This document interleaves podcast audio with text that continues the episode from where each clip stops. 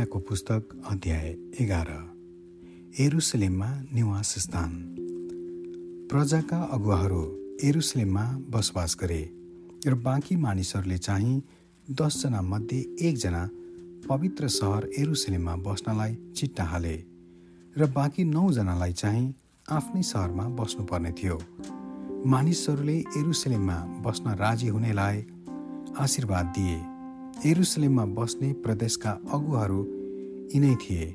कोही इजरायलीहरू पुजारीहरू लेबीहरू मन्दिरका सेवकहरू र सोलोमनका सेवकहरूका सन्तानहरू चाहिँ यहुदाका सहरहरूमा भएका आफ्नै निजी जग्गा जमिनमा बसे। यहुदा र बेन्यामिनका कुलका अरू मानिसहरू चाहिँ एरुसलेममा बसे। यहुदाका सन्तानहरू फारेसको परिवारका अतया जो उज्जियाका छोरा जो जकरियाका छोरा जो अमरियाका छोरा जो सपतियाका छोरा जो मलालेलका छोरा थिए।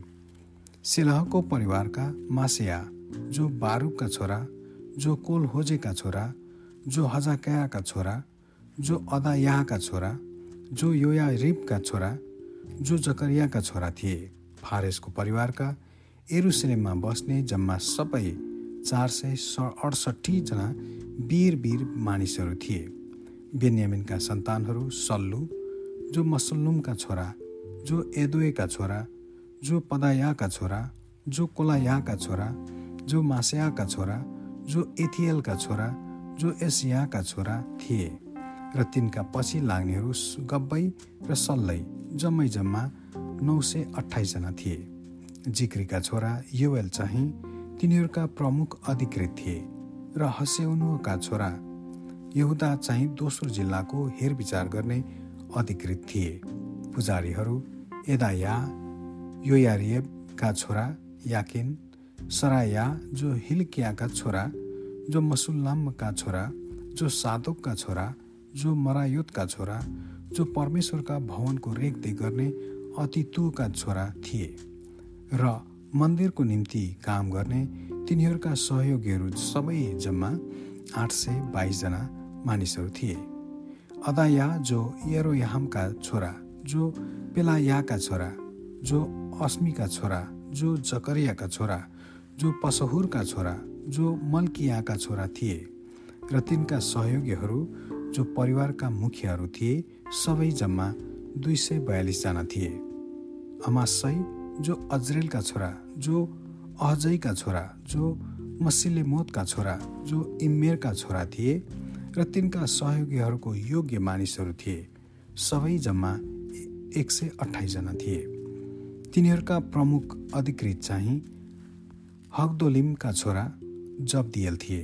लेबीहरू समाया जो हस्सुबका छोरा जो अज्रिकामका छोरा जो हस्ब्याका छोरा जो बुन्नीका छोरा थिए। लेबीहरूका दुईजना मुखियाहरू सब्बतै र योजाबाद थिए। तिनीहरू परमप्रभुका भवनको बाहिरका कामका जिम्मेवाल थिए।